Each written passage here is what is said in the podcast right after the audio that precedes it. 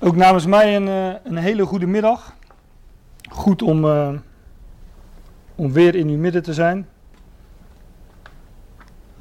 Ik zeg weer omdat het uh, nog maar acht dagen geleden is dat we uh, niet op deze plek, maar op een iets andere locatie samenkwamen rondom een, een onderwerp.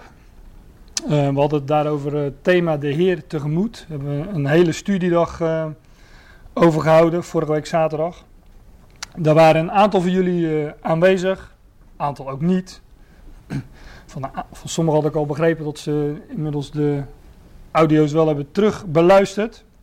Dat zou een voordeel kunnen zijn als je hier zit. Um, want we hadden het in de pauze vorige week over um, de rechterstoel van Christus. ik, um, we spraken over het hoofdstuk 2 Korinthe 5, waar die, uh, waar die term ook voorkomt. En die eerste verse van, uh, van 2 Korinthe 5, daar wordt een en ander uh, beschreven. Uh, wat weer met die gebeurtenis uit 1 Thessalonicense 4 te maken heeft. De Heer tegemoet.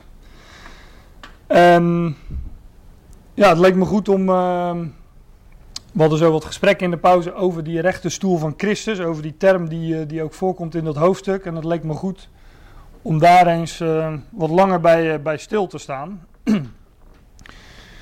Um, nou, nu heb ik daar zelf had ik daar een, een aankondiging over geschreven. Uh, ook op mijn website. En nou, iemand uit jullie midden zette daar wat druk op, om, omdat, uh, omdat hij daar zelf ook een aankondigingetje van schreef. Ze schreef daar ook een aankondigingetje over. Rechte stoel, grote witte troon, wat heeft dat met elkaar te maken? Um, ik wil het vanmiddag hoofdzakelijk over die, uh, die rechte stoel van Christus, over die term hebben en um, ja, wat, wat, daar, uh, wat daar allemaal uh, mee samenhangt. En om het nu ook nog over de grote witte troon te gaan hebben, of uitgebreid te gaan hebben, ja, dat, dat is onmogelijk in een, in een uurtje. Dus um, ja, wellicht dat we er nog op komen. Um, maar dat moeten we even kijken hoe, hoe, we in de tijd zitten. Ik weet niet hoe het uh, u vergaat met uh, die term de rechterstoel van Christus. Als je die term hè, beschouwt, analyseert, dan, dan, zou je jezelf daar wel wat, wat vragen over kunnen stellen. Hè, hoezo een, een rechterstoel? Wat, wat gebeurt daar? Wat heeft dat met een, met, met een rechter te maken? Worden daar dan nog zonden van beoordeeld? Want Paulus zegt, wij zullen allen, we zullen dat straks wel lezen, wij allen moeten geopenbaard worden voor die rechterstoel van Christus. Nou, wordt daar dan nog een oordeel gegeven over onze zonden? Hoe zit dat dan? Wat een rechter normaal gesproken doet, is uh, uh, getuigenverklaringen aanhoren en een aangeklaagde schuldig of onschuldig verklaren en daarop een, een vonnis uitspreken, een eventuele straf. Gaat dat voor ons dan ook nog op? Dat zijn allemaal vragen die uh, als gelovigen, gaat dat voor ons nog op als gelovigen? Dat zijn allemaal relevante vragen die je zou, zelf zou kunnen stellen. Naar aanleiding van die, uh, van die term, de rechterstoel van Christus. En zijn wij dan niet bevrijd van zonde en schuld? Dat leren we toch? Zijn we dan niet gerechtvaardigd? En wat is rechtvaardiging? Dat is toch vrijspraak? We zijn toch vrijgesproken? Nou, allemaal relevante vragen die, uh, um, ja, waar we gewoon eens bij stil moeten staan. En uh, uh, dat, schriftgedeelte is eh, onder de loep moeten leggen. Dat schriftgedeelte uh, noemde ik al, dat is in eerste instantie 2 Korinthe 5. En we hebben dat hebben het vorige week gehad over, uh, pak een beet, de eerste vier versen. Waar Paulus uh, in vers 4 bijvoorbeeld zegt dat hij niet ontkleed wilde worden. U begrijpt dat het beeldspraak is. Hij wilde niet ontkleed worden. In vers 3 noemt, noemt hij dat naakt bevonden. Ik ga dat verder niet uitleggen, maar hij, heeft, hij spreekt hier over sterven. Maar hij wilde overkleed worden, zegt hetzelfde vers. En dat overkleed, het gaat over de, in vers 1 noemde hij zijn lichaam een, uh, een tent, een tabernakel, een tijdelijke woning. En zijn verlangen was om met die woning, dat huis, die woonsteden die uit de hemel is overkleed te worden. en hij zegt dan ook in, uh, in vers 4 dat hij naar verlangt, naar dat moment om overkleed te worden, opdat het sterfelijke, ik heb ook gezegd vorige week, dat is niet het doden, maar het sterfelijke. Wij zijn sterfelijke, uh, sterfelijke mensen. Wij leven weliswaar, maar wij zijn stervende als het erop aankomt. En hij zegt hier, opdat het sterfelijke van het leven verslonden worden. En het doelt hiermee op ja, die, uh, die gebeurtenis die ook wel de opname van de gemeente wordt genoemd, of de wegrukking, of het moment, zoals 1 Thessalonicense 4 ook zegt, dat wij de Heer tegemoet zullen gaan in de lucht. Ik sla dan even een paar versen over en ik haak aan in, uh, in vers 9. En in vers 9 zegt Paulus, daarom zijn wij ook zeer begeerig, het zij inwonende, het zij uitwonende, om hem welbehagelijk te zijn. Letterlijk staat er, uh, daarom zijn, stellen wij er een eer in. Paulus stelde er een eer in, zoals hij bijvoorbeeld er ook een eer in stelde om te evangeliseren. Dat zegt hij in Romeinen 15. Maar hij stelt er een eer in om het zij inwonende, en hij heeft het weer over, uh, over dit lichaam, het zij uitwonende, hem wel behagelijk of wel gevallig te zijn. Dat inwonende, dat gaat over inwonen in het lichaam, in die aardse tent, die aardse tabernakel, uh, in het, uit het voorgaan in het hoofdstuk. Het uitwonende gaat om over uitwonende, niet, niet van het lichaam, maar van de Heer. Want dat noemt hij namelijk allebei in, uh, in vers 6. Hij zegt daar, we hebben dan altijd goede moed en wij weten dat wij inwonende in het lichaam uitwonen van de Heer. En daarom zijn wij dan ook zeer begeerig, stellen wij er een eer in. Hè, of we nu inwonend zijn in het lichaam of uit en uitwonend bij de Heer. We stellen er een eer in om hem welgevallig te zijn, om hem wel behagelijk te zijn. En dan zegt hij in vers 10, want wij allen moeten geopenbaard worden voor de rechte stoel van Christus, opdat een ieder wegdragen hetgeen door het lichaam geschiet, nadat hij gedaan heeft, het zij goed, het zij kwaad.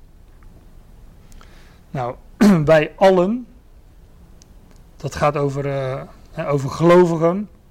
Paulus noemt uh, in vers 1 bijvoorbeeld en in vers 7 spreekt hij ook over wij. Dat gaat over hemzelf natuurlijk en degene met wie hij de, de brief aan de Corinthiërs geschreven heeft. Volgens mij is dat met Timotheus en Silas. En hij spreekt tot de Corinthiërs ook. Hij spreekt gelovigen aan, heiligen in Christus Jezus.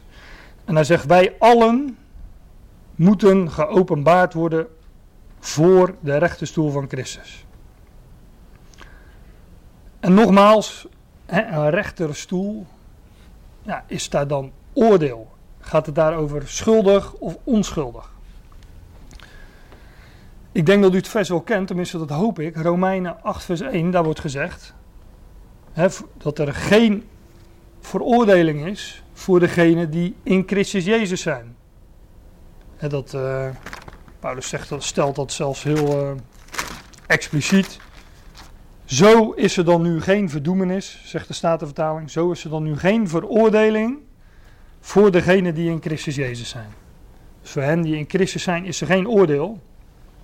Maar hoezo dan hier die rechte stoel?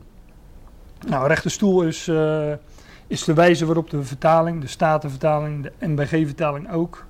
Andere vertalingen heb ik niet nagekeken, maar uh, volgens mij de Telos heeft het ook. We hebben daar allemaal vertaald met rechterstoel. Het Griekse woordje wat hier uh, gebruikt wordt is bema. En een bema betekent letterlijk een stap of een, of een opstap. En dat doet ons al snel denken aan een, uh, aan een verhoging of een, of een podium. Ik loop wat op de muziek vooruit, maar ik zeg nu vast dat, dat dit het erepodium is. Het erepodium van Christus. Niet de rechte stoel van Christus, maar het erepodium van Christus waar prijzen uitgereikt worden. Ehm, datzelfde woordje uh, Bama, dat komen we bijvoorbeeld tegen in Handelingen 7. Dat ik even, even naartoe gaan.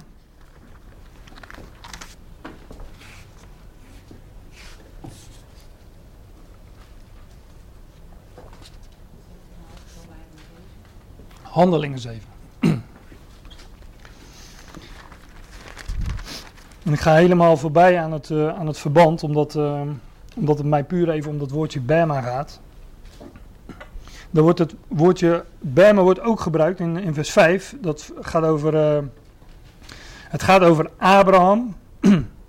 Die, God had hem van de ene plaats naar een andere plaats gestuurd, naar een ander land. En dan staat er in vers 5. En hij, dat is God, hij gaf hem geen erfdeel in hetzelfde, ook niet een voetstap. En het, wat hier um, vertaald is met voetstap is Bema Podos. Podos kent u ook wel van de podoloog. Dat heeft met voeten te maken.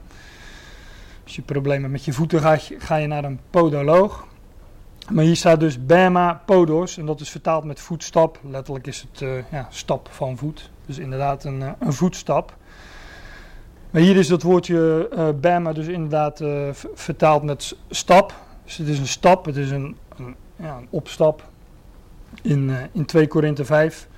In 2 Korinthe 5 vers 10 is het de plek waar gelovigen beoordeeld worden. Dus er is geen veroorde veroordeling, maar er is wel een beoordeling. En wat er dan beoordeeld wo wordt, ja, daar, daar moeten we het natuurlijk over gaan hebben. Wij allen moeten geopenbaard worden voor de rechterstoel van Christus.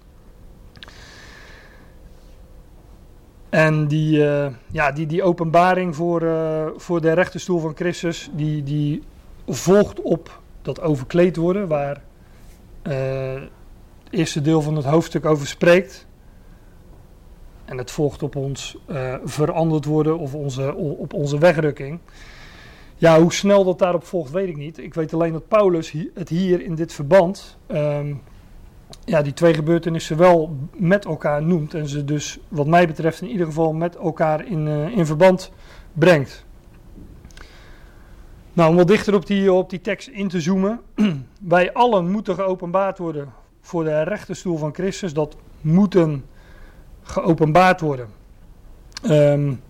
Oh, openbaar, ja, openbaar gemaakt worden. Dat woord komt letterlijk van, uh, van schijnen. Wij moeten verschijnen voor het podium van, uh, van Christus.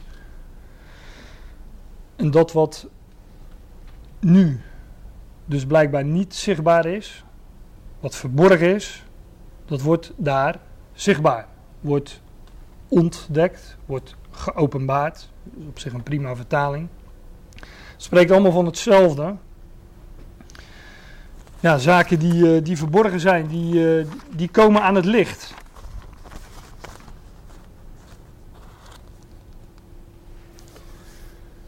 We vinden dat uh, wel vaker in de schrift, tamelijk vaak zelfs. Ik wil een voorbeeld uit, 1 Korinthe, uit, uit, ook uit de Korinthebrieven, maar dan uit de eerste Korinthebrief noemen. 1 Korinthe 4, vers 5.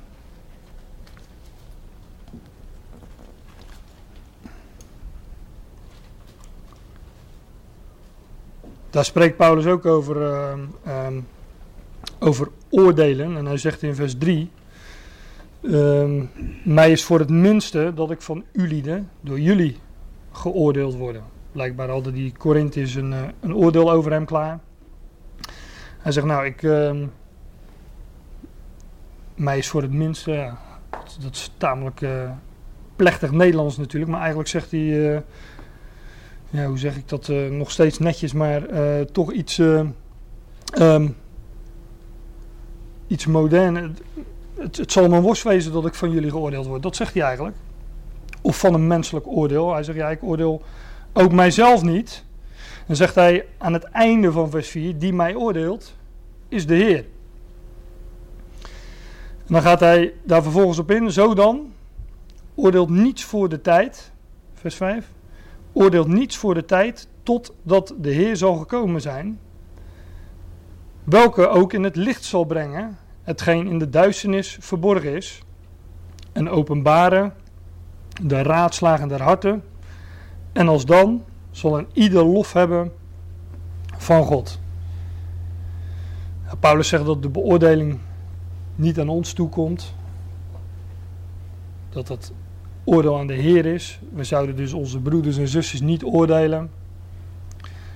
sowieso uh, ziet de mens toch maar aan wat voor ogen is.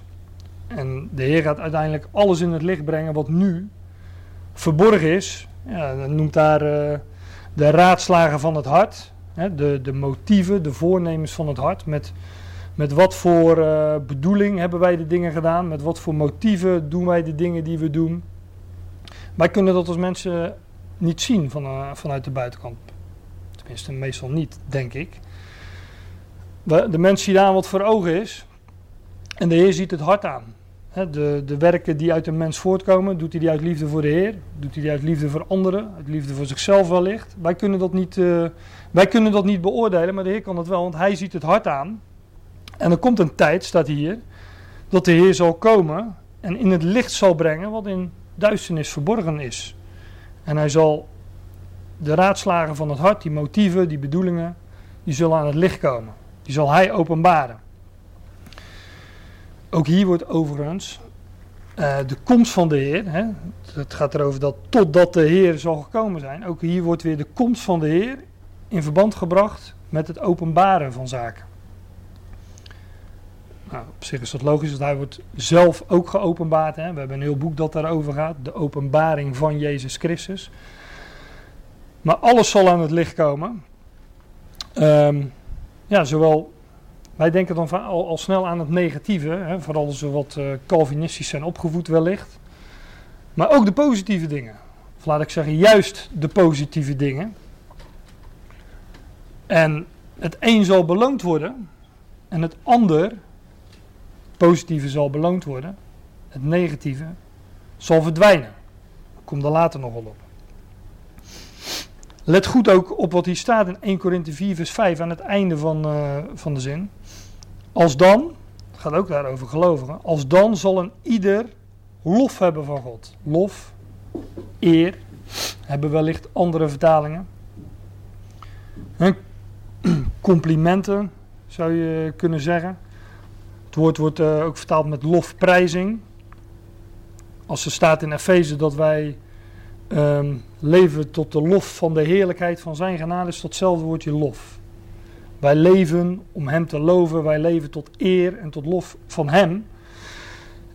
Maar hier staat dat wij, als dan, zal een ieder lof hebben van God.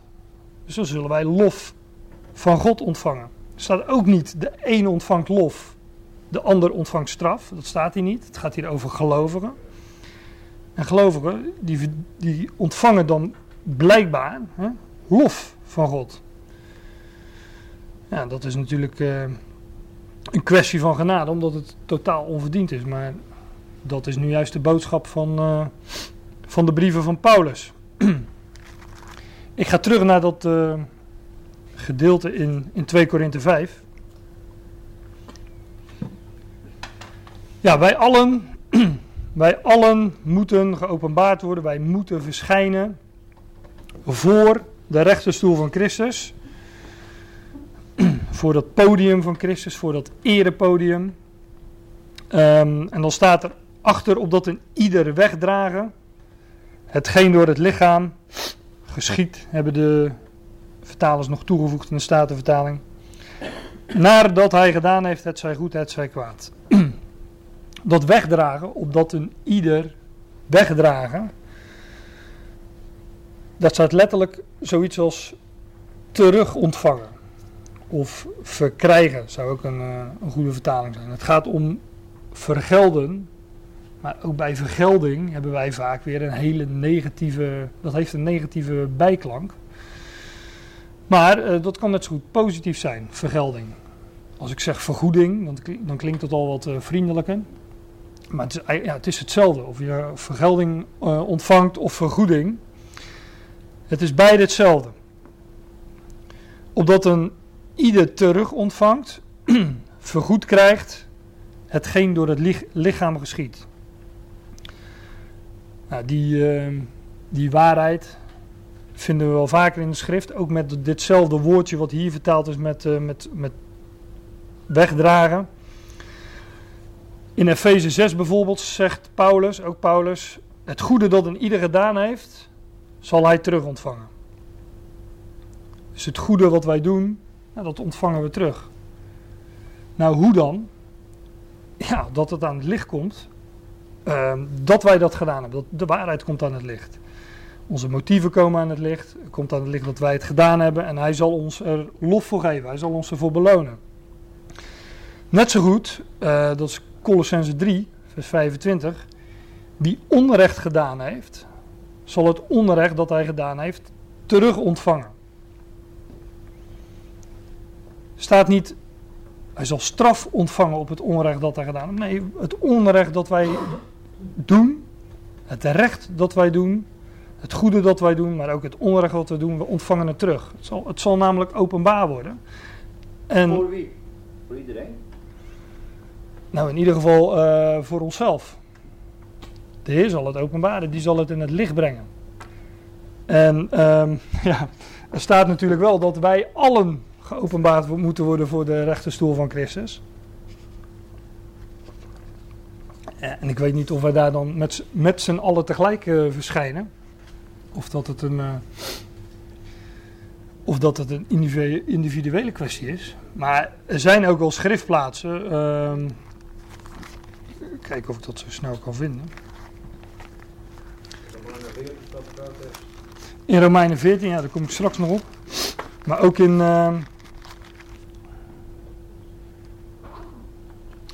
In 1 Thessalonicense 3 bijvoorbeeld. Ja, ik ga niet. Ik rol van het een in het ander, maar dat, dat, vers. Um, daar staat. Ik val midden in, uh, in, in, in, in, een zin, in een hoofdstuk opdat hij uw, uw harten versterken, standvastig maken, om onberispelijk te zijn in heiligmaking voor, sorry, 1 Thessalonicense 3 vers 13.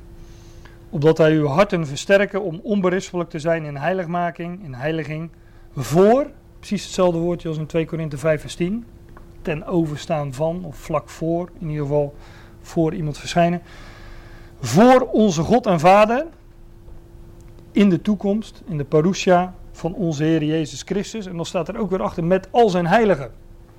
Dus je zou bijna, ja, je zou kunnen concluderen dat, uh, dat het een groepsproces is zoals wij dat uh, wellicht zouden noemen. Maar daar ben je toch niet bang voor, Luc? Ja, je zult je dat doodschamen voor uh, datgene weet je verkeerd hebt gedaan, dat iedereen er ook weet. Ja, ja, maar wie niet, Luc? Maar uit de verborgen nou verteld. Kan je wel kinderen doen? Doodschamen, ik bedoel, dat ben je ook dood uh, geweest. maar voor jou wellicht een troost, we zitten wat dat betreft wel allemaal in hetzelfde schuitje natuurlijk. Ja, ja. Wat denk je dat we meer boeken hebben gehad? Dat snap ik niet zwaar, maar het is toch weg. Je bent toch, waarom wordt dat nog weer opnieuw woord? Waarom, dat was toch weg? Het is toch met Christus naar voren. Ja. Dat snap ik niet zwaar. Nou ja, kijk, wij zijn, uh, wij zijn in Christus. Hè? Uh, en God, God, ziet ons uh, volmaakt aan in Christus. We zijn één met Hem. Één met, we zijn met Hem gestorven, begraven, opgewekt. Um, maar wij weten dat als wij over onszelf, zo, zo ziet God ons, zo rekent God met ons. Maar wij weten dat we niet volmaakt zijn. En we weten dat we God ja, tekort doen. En tekorten die zullen aangevuld worden. En hoe? Ja, het enige wat ik daarover lees in de schrift is dat de waarheid uh, openbaar zal worden. En ik kom er straks nog wel op dat de goede dingen beloond zullen worden. en juist die slechte dingen, het, het, het kwade, um, hout, hooi en stro, om uh, meteen de term uit 1 Korinthe 3 te noemen waar ik straks nog op kom. Het zal verbranden, het zal verdwijnen. Ik kom er straks nog wel op. Op 1 Korinthe 3 in ieder geval. Maar in 2 Korinthe 5 vers 10 gaat het over uh, terug ontvangen of vergoeden. Hè, verborgen dingen die aan het licht komen voor het podium, voor het erepodium van Christus. Prijzen worden daar, ja, prijzen worden daar uitgereikt. Dat heb ik nu al volgens mij al een aantal keren gezegd. Maar ook daar kom ik nogal op terug. Want ook in die beeldspraak ja, noemt Paulus deze dingen. Ja, dat houthoorn en stro, daar kom ik straks uh, ook nog op, zoals gezegd. dat, opdat een ieder terug ontvangt, vergoed krijgt wat door het lichaam geschiet. Het doorheen, het lichaam staat er letterlijk. Ons lichaam is een, ja, wordt, wordt gezien als een, als een instrument, hè, dat, dat, dat is het ook, waardoor, waardoor God zijn dingen, waardoor God zijn dingen doet en de, de mate waarin, uh, waarin wij dat ja, toelaten, dat, dat wordt beloond. Het zij goed, het zij kwaad. Motieven spelen dus een rol. Dat zijn 1 Korinthe 4 vers 5. is het werk van de Heer of is het ons eigen werk? Wij kunnen dat niet altijd zien. Nou ja, wij kunnen dat niet zien, laat ik het zo zeggen. Wij zien aan wat voor ogen is. Hebben we het voor de Heer gedaan of voor mensen? Is, het, uh, is het blijvend of verdwijnt het? De schrift spreekt natuurlijk ook over, uh, over recht en over krom. Hè? God rekent geloof tot gerechtigheid. God rekent geloof tot recht. En het kromme, wat krom is, dat is wat wij, ja, wat wij doen, wat wij denken uit ongeloof. En dat zal, uh, dat zal rechtgezet worden. Het is ook uh, tekort wanneer wij niet uit geloof geleefd hebben. Of dingen die wij niet uit geloof gedaan hebben. Daar, daarin hebben we God tekort gedaan. En dat tekort zal aangevuld worden. Om welk werk gaat het dan? Dat is natuurlijk wel een, uh, een hele belangrijke. Blijf ik ook even in, in Korinthe, maar blader ik naar, naar 1 Korinthe 15.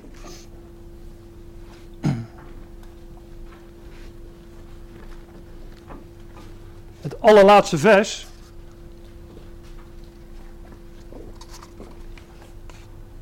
Nadat Paulus een, uh, een geweldig uh, pleidooi en betoog heeft gegeven over de opstanding. Opstanding van doden. um, zegt hij concluderend: Zo dan, mijn geliefde broeders, zijt standvastig. Letterlijk staat daar: wordt standvastig. He, wordt standvastig, wordt onbewegelijk, altijd overvloedig zijnde in het werk des Heren. Standvastig, ja, dat is hetzelfde ongeveer als onbewegelijk. Niet heen en weer geslingerd worden, vaststaan in, in de boodschap. Welke boodschap? Nou, de boodschap die Paulus in ieder geval in 1 Korinthe 15 uh, naar voren brengt, in die uh, voorgaande versen. Word standvastig, onbewegelijk, altijd overvloedig zijnde in het werk des Heren. In het werk van de Heer. Er staat niet ons werk voor de Heer, maar het werk van de Heer. Daarin zouden wij standvastig zijn. Daarin zouden we onbewegelijk zijn. En daar zouden we altijd overvloedig in zijn. niet, niet ons werk voor de Heer, maar het werk van de Heer. Namelijk het feit dat Hij de dingen doet. Dat Hij de dingen tot stand brengt. Dat alles uit Hem is en door Hem en tot Hem. Dat alles Zijn werk is. Het is dus niet ons werk, maar Zijn werk waarop wij zouden staan. Daar zouden we in blijven staan. En dat is dan ook ja, het werk dat, uh, dat beloond wordt. Paulus noemt dat wel vaker, dat uh, vaststaan of staande blijven. Galaten 5 staat dan in de vrijheid. De strijd is namelijk niet om te rennen voor hem en van alles te doen, maar om standvastig te blijven in de boodschap van, van de schrift. Een boodschap van genade. En iedereen die die, uh, die, die boodschap kent, ja, die weet dat, het, uh, dat als je de boodschap kent, als je hem uitdraagt, hè, en dat gaat vanzelf, want stromen van levend water uh, stromen uit ons binnen, zoals we die boodschap kennen. Dan krijg je vanzelf met tegenstand te maken, met, ja, met, uh, met hen die, uh, die je onder de wet willen brengen, of, of op een andere manier jou, jou willen doen wankelen. Zodat je, en de oproep in de schrift is altijd wees standvastig. In die boodschap, in het werk van de. Zijn werk. Dat, wees standvastig in de boodschap dat het zijn werk is en niet ons werk. Efeze 6 bijvoorbeeld, hè, ook die wapenrusting. Er staat echt een aantal keren. Sta dan. Blijf staan. Wees standvastig. En die uitrusting die daar genoemd wordt, is een verdedigingsuitrusting met een harnas, een schild, dat vurige pijlen uitblust. die pijlen komen wel, maar wij hebben dat schild nodig en dat harnas. Nou ja, Paulus zegt dan ook aan het einde van zijn loopbaan, ergens in die, uh, de Timotheusbrieven, ik heb de goede strijd gestreden, ik heb de loop beëindigd, hè, zijn carrière als apostel was ten einde. Hij zegt, ik heb de goede strijd gestreden. Nou, wat is die goede strijd? Hij kon aan het einde van zijn loopbaan zeggen dat hij het geloof behouden had. Hij was vast blijven staan in die boodschap van genade. En hij had ook niets anders uitgedragen dan een boodschap van genade. Standvastig in het werk van de Heer, onbewegelijk daarin. Nou ja, Romeinen 1 bijvoorbeeld zegt dat de waarheid ten onder wordt gehouden. We leven in een boze aion waar de waarheid ten onder wordt gehouden. Dus zodra je in de waarheid staat, ja, dan zal men die bestrijden. Um, ja, Romeinen 14 werd al genoemd hè, door Jan, uh, dacht ik, als, uh, als schriftgedeelte waar ook over die uh, rechterstoel in de vertaling, maar over de Bema wordt gesproken. Precies hetzelfde woord wordt daar gebruikt. De Bema van Christus, de, de NBG-vertaling heeft de, de Bema van God. Dat heeft met, met handschriften te maken maakt niet heel, heel veel verschil, want de schrift leert ook dat, uh, dat het oordeel door de vader aan de zoon gegeven is. Um, maar de, ja, de, de Statenvertaling heeft hier in ieder geval de rechterstoel, de Bema van Christus. Ja, en deze context, want ik, ik wil die even doornemen, maar daar wel wat context bij geven. De context van Romeinen 14. Um, ehm, ook daar gaat het net als in 1 Korinthe 4 erover dat wij de ander niet zouden oordelen.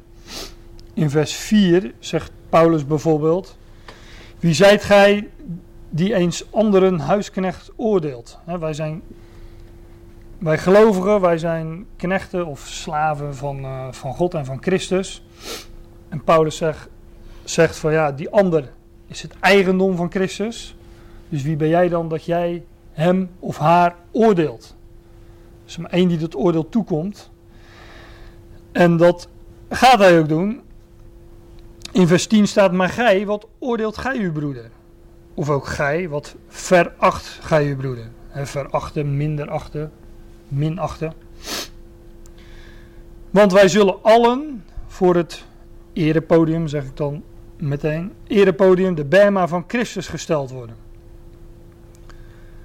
Kijk, voor dat erepodium voor dat, uh, voor, voor dat podium van Christus komt alles in het licht. Alles wordt daar openbaar. Hoezo zouden wij dan als mensen anderen oordelen? Ons, het, het is niet, uh, sowieso niet, komt het ons niet toe om te oordelen. Maar wij zien ook alleen maar wat, wat we zien. En bij mensen die, uh, ja, die zien nu eenmaal niet alles. En de Heer, die kent de raadslagen van het hart. En die ander is zijn bezit, die behoort hem toe. Dus dat oordeel is aan hem. En daarom zegt Paulus dan ook: Wij zullen alle voor dat podium van Christus gesteld worden. Want er is geschreven: Ik leef, zegt de Heer. Voor mij zal alle knie zich buigen en alle tong zal God beleiden. Alles komt daar openbaar: hè? het goede, maar ook het tekort.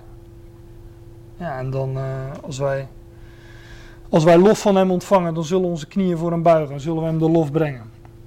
Voor het tekort dat wij uh, hem, gedaan hebben. Ja, ook daar uh, zullen we voor hem uh, neerbuigen. Hij is God. Dat zal openbaar worden. Want er is geschreven, vers 11. Ik leef, zegt de Heer, voor mij zal elke knie zich buigen, alle tong zal God beleiden. Nou, de levende God wordt van gesproken. Ik leef. Nou, het is een citaat uit Jesaja 45 en ook in Filippenzen 2 komen we deze woorden tegen. Hier gaat het over uh, gelovigen. in deze context. Wij allen, wij zullen allen voor het podium verschijnen, maar uiteindelijk zal elk mens voor zijn scheppen verschijnen. En met de waarheid geconfronteerd worden. Alle zullen hem dan ook erkennen en beleiden. Maar dat elk mens daar ook voor, die, voor hem zal verschijnen. Weliswaar niet op dit moment, maar uh, op andere momenten, bijvoorbeeld uh, de grote witte troon. Elk mens zal daar verschijnen en aan elk mens zal ge geopenbaard worden wie hij is, of wie hij is geweest, in het licht van zijn scheppen. Elk mens zal dan met de waarheid geconfronteerd worden. Ja, noem het een straf, maar voor sommigen zal dat. De waarheid is hard, maar voor sommigen, voor velen, zal dat een harde confrontatie zijn. En dat is ook wat, uh, wat de schrift zegt. Jezaja 45 ook, ja, ze zullen beschaamd worden. Als, als zij met hem geconfronteerd worden. Als zij zien wie hij is. De schrift zegt dat. Um, wellicht moeten we daar eens een keer over, uh, over doorspreken. Over oordeel en gericht in de schrift. Maar de schrift zegt dat elk mens aan zichzelf geopenbaard zal worden. Elk mens zal in het licht van God verschijnen en hij zal zien wie hij zelf is. In het licht van zijn scheppen. Mens denkt te weten wie hij is, maar zal pas echt weten wie hij is in het licht van zijn scheppen.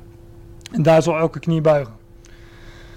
Ja, vers 12 zegt nog dan, zo dan een ieder van ons zal voor zichzelf aan God rekenschap geven. Let op de nadruk, ieder van ons zal voor zichzelf, niet voor de ander, dus oordeel die ander niet, dat is Paulus' boodschap hier, voor zichzelf aan God. Dus ook niet aan elkaar. We hoeven elkaar niet, uh, geen rekenschap uh, af te geven. Nee, en ieder zal voor zichzelf aan God rekenschap geven. Niet aan anderen, niet over anderen, niet aan elkaar, aan God. Hij is onze Heer. nou ja, de context. Paulus zegt dan in uh, het vervolg in vers 13: Laat ons dan elkander, laat ons elkaar niet oordelen. Want het is allemaal voor de tijd en het komt niet aan ons toe. Goed, dan wil ik naar, uh, naar 1 Korinthe 3. Um, ik had er al even naar verwezen. Ik hoop dat dit hoofdstuk, uh, dit, dit, dit gedeelte een en ander nog wat duidelijker maakt.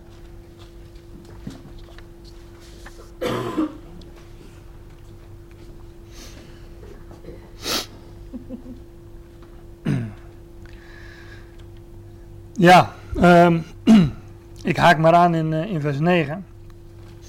Paulus zegt daar, want wij, hij heeft het uh, in eerste instantie in het verband over, uh, over zichzelf en, en Apollos. Wij zijn Gods medearbeiders,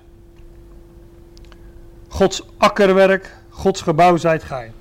Nou, Paulus heeft het hiervoor gehad over dat akkerwerk, over de landbouw zeg maar.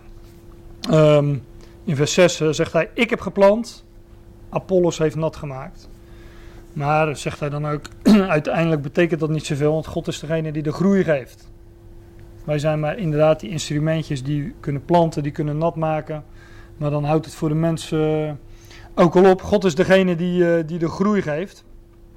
Daar ging het voorgaande over. En het volgende, het navolgende, gaat over wat hij aan het einde noemt van vers 9. Gods gebouw zijt gij. Let ook op de nadruk die Paulus elke keer legt op Gods of van God.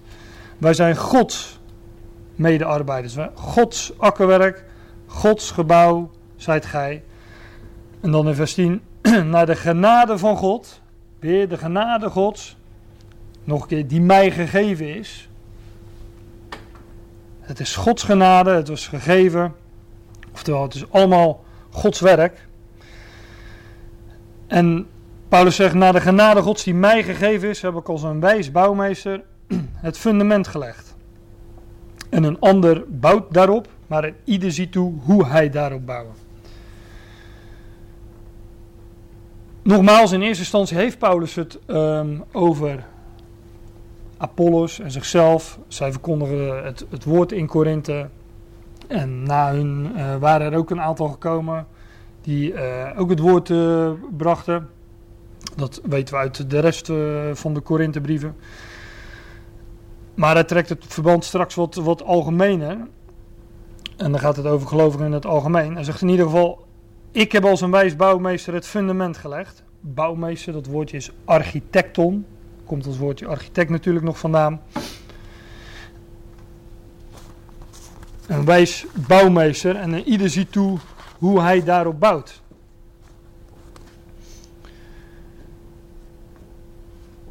En Paulus heeft het in deze brief al gehad over ehm, woorden van menselijke wijsheid.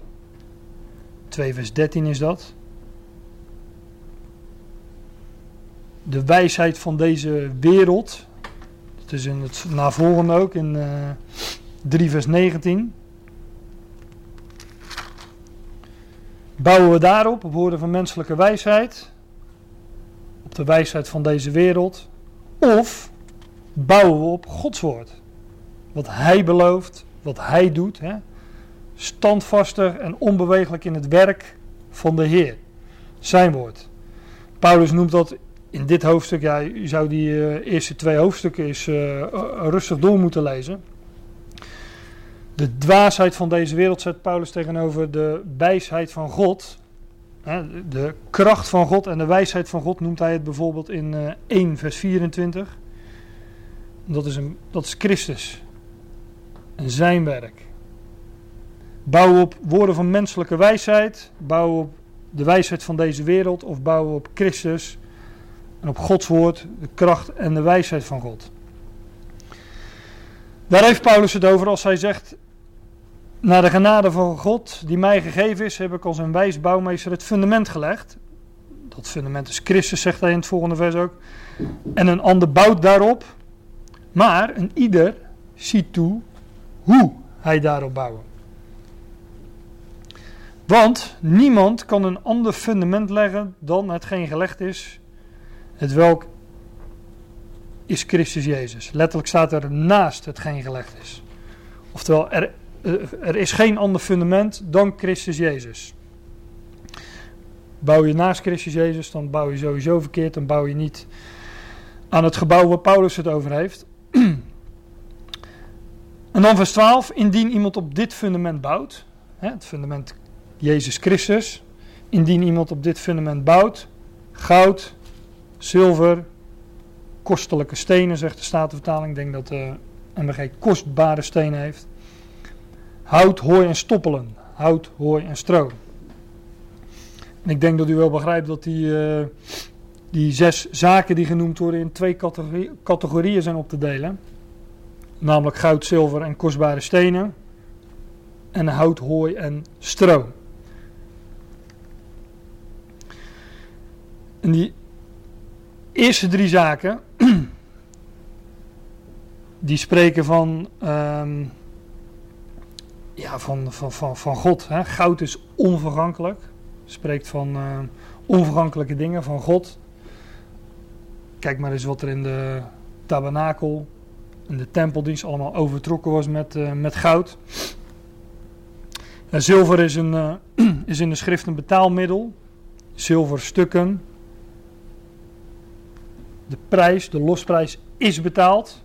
Dat is namelijk het werk des Heren, het werk van de Heer. Niet wij moeten betalen of wij moeten nog uh, wat wisselgeld betalen. Nee, het is zijn werk. Hij heeft die losprijs betaald. Kostbare stenen. Ja, als ik openbaring opslaat, daar wordt veel over uh, kostbare stenen gesproken. Licht doorlatende stenen, dat spreekt van de, de veelkleurige wijsheid van God. Uh, al die kleuren hebben hun eigen verhaal, blauw, rood, purper. De veelkleurige wijsheid van God en uh, het hout, hooi en stro. Ja, hout, dat letterlijk staat er iets van een meervoud, houten of houten delen. Dat is waar de mens mee bouwt. Constructies bouwen. Spreekt van uh, ja, wat Paulus hier noemt woorden van menselijke wijsheid. Filosofieën. Klinkt interessant, maar als het door vuur beproefd wordt, maar dat lezen we straks, dan, uh, dan houdt het geen stand. Hooi, hout hooi en stro. Hooi, ja, dat is, uh, hooi is gras, hè? Gedroogd, gras, gedroogd gras. Spreekt van vergankelijkheid, ook van aardse rijkdom in, uh, in de schrift.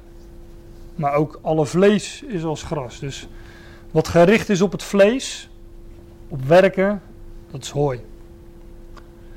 Ja, en stro, daar werden bijvoorbeeld in, uh, in uh, is, toen Israël een slavernij was in Egypte, werden daar de tichelstenen van gemaakt. en is dan ook een beeld van, ja, van de mens die in slavernij is onder, uh, onder wet. Wat voor wet dan ook. Maar ook de toren van Babel werd gebouwd met tichelstenen. Dus goud, zilver, kostbare stenen.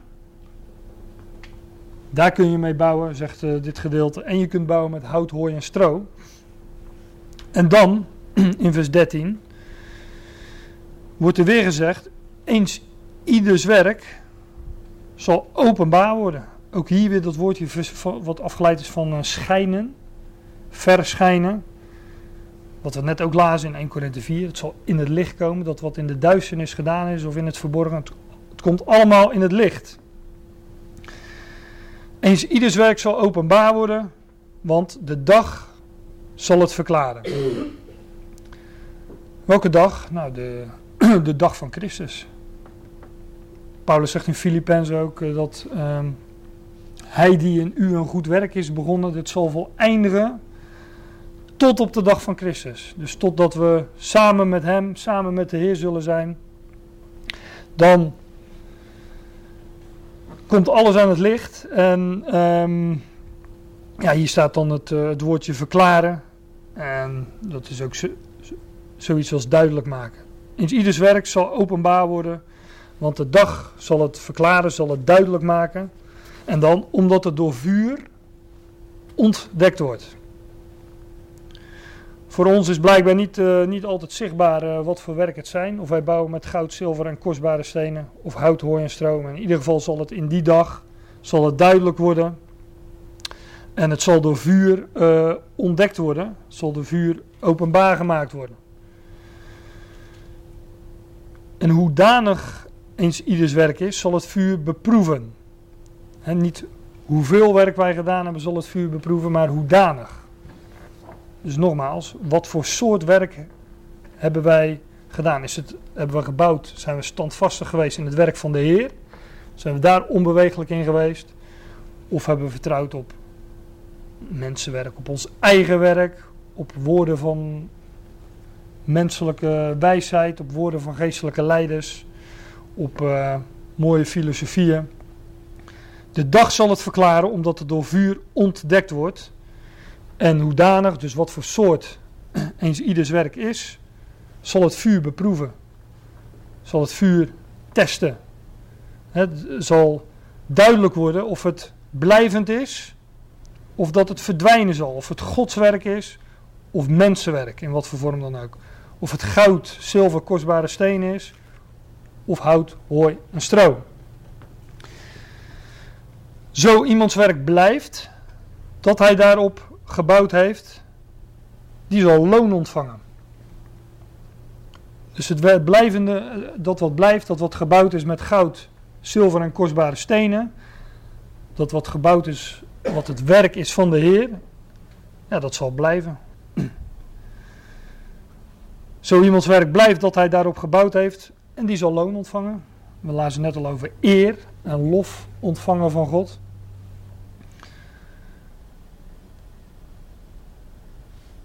Hier wordt ook niet gesproken van straf of veroordeling. Nee, dus er wordt gewoon gezegd dat de waarheid aan het licht zou komen.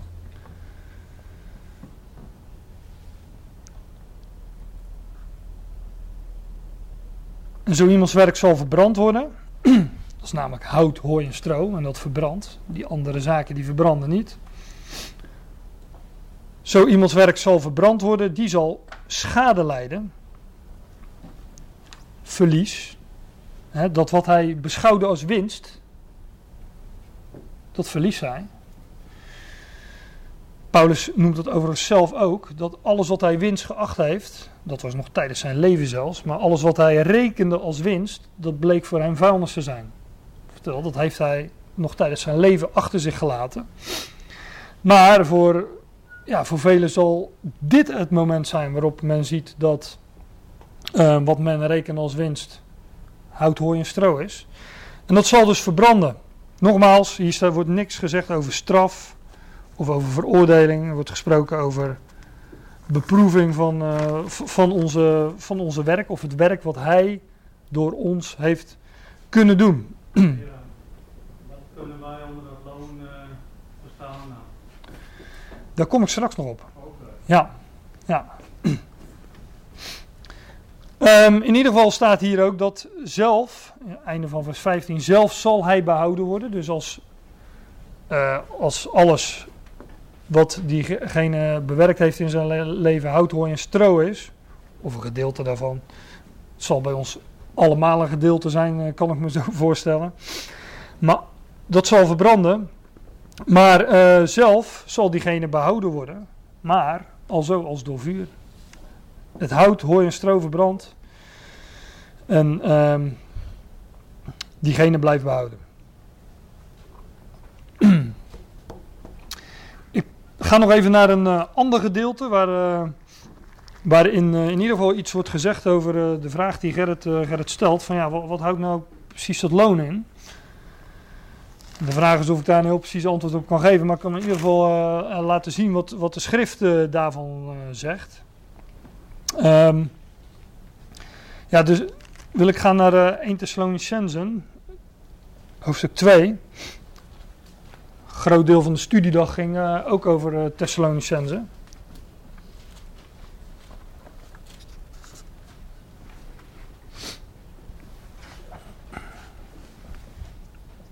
Ik haak even aan in. Uh, het, gaat om, het, gaat me om, vers 19, maar ik haak even aan in vers 17.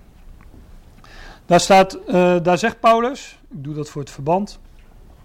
Maar wij, broeders, van u beroofd zijnde, beroofd geweest zijnde voor een kleine wijle tijds.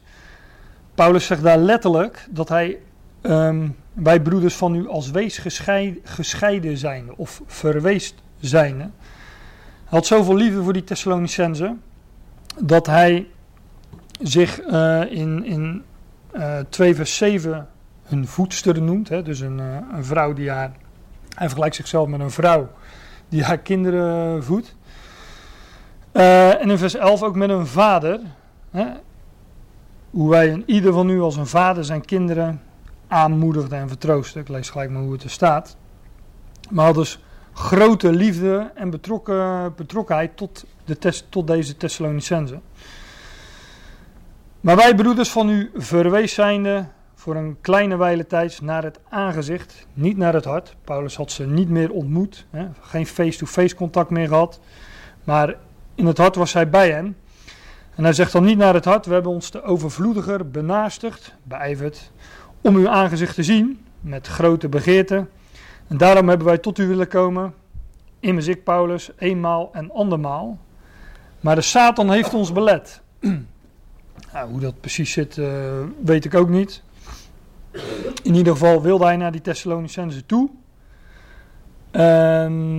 Dat was nog niet, uh, nog niet gelukt. Hij wilde ze weer zien. Hoezo had hij zo'n liefde voor hen? Hoezo ja, lagen die Thessalonicenzen hem zo aan het hart? Nou, zegt hij in vers 19, welke, want welke, wat is onze hoop? Wat is onze verwachting? Waar zien wij naar uit? Of blijdschap? Vreugde? Wat is onze verwachting, onze blijdschap? of kroon, krans, des roems. Een kroon, een krans, een erekrans. Wat is onze erekrans? Ik denk dat de MBG erekrans heeft. Ja? Wat is onze verwachting, onze hoop? Wat is onze blijdschap? Wat is onze erekrans? En Paulus die noemt wel vaker dit beeld van een erekrans. Um, het is een, uh, een lauwe krans. Een, uh, winnaars van sportwedstrijden werden uh, geëerd met een lauwe krans. Nou, we hadden het net al over het podium van Christus, waar de prijzen uitgereikt worden. Hier wordt gesproken van een krans, een erekrans. Um, in 1 Korinthe 9 zegt Paulus: Weet gij lieden niet dat die in de loopbaan lopen, alle wel lopen, maar dat één de prijs ontvangt? Loopt al zo dat gij die moogt verkrijgen. Oftewel, hij zegt, ja, we lopen in een loopbaan. In, de, in, in die sport waar Paulus het beeld van aanhaalt, is het zo dat er maar één de prijs ontvangt. Wordt er maar één eerste. Paulus zegt hier niet dat het bij ons ook zo is dat één de prijs ontvangt, maar hij zegt loop wel alsof jij diegene bent die die prijs uh, zou ontvangen. Nou, en ieder die om die prijs strijdt, in dat beeld van die sportwedstrijd, die, die strijdt om een vergankelijke krans, zegt Paulus ook in 1 Korinthe 9.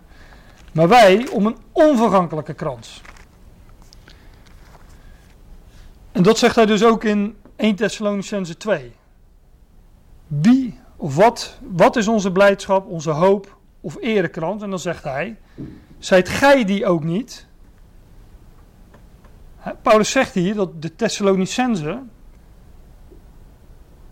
voor onze Heer Jezus Christus in zijn toekomst, in zijn parousia, ja, daar hebben we het ook al op de studiedag over gehad. Het moment van zijn komst, laat ik het even, even heel kort, kort zeggen. Op het moment van zijn komst, op de dag van Christus, zegt Paulus, als wij voor onze Heer Jezus Christus staan, ook hier datzelfde woordje voor, want wij allen moeten geopenbaard worden voor het podium van Christus. Datzelfde woordje hier ook voor onze Heer Jezus Christus in zijn komst. Paulus zegt: Jullie, Thessalonicense, zijn mijn erekrans in die dag. Dus het is geen letterlijke erekrans, niet zo'n lauwe kransje als eh, men toen op het hoofd kreeg. In hoeverre dat een prijs is, uh, kun je ook al vragen. Dan moet je met een paar van die takken op je hoofd. Ook dat is meer symboliek en ging meer om de eer als je het mij vraagt dan dat het een werkelijke prijs is. Maar Paulus zegt, jullie zijn die ere, mijn erekrans in die dag voor onze Heer Jezus Christus bij zijn komst in zijn parousia.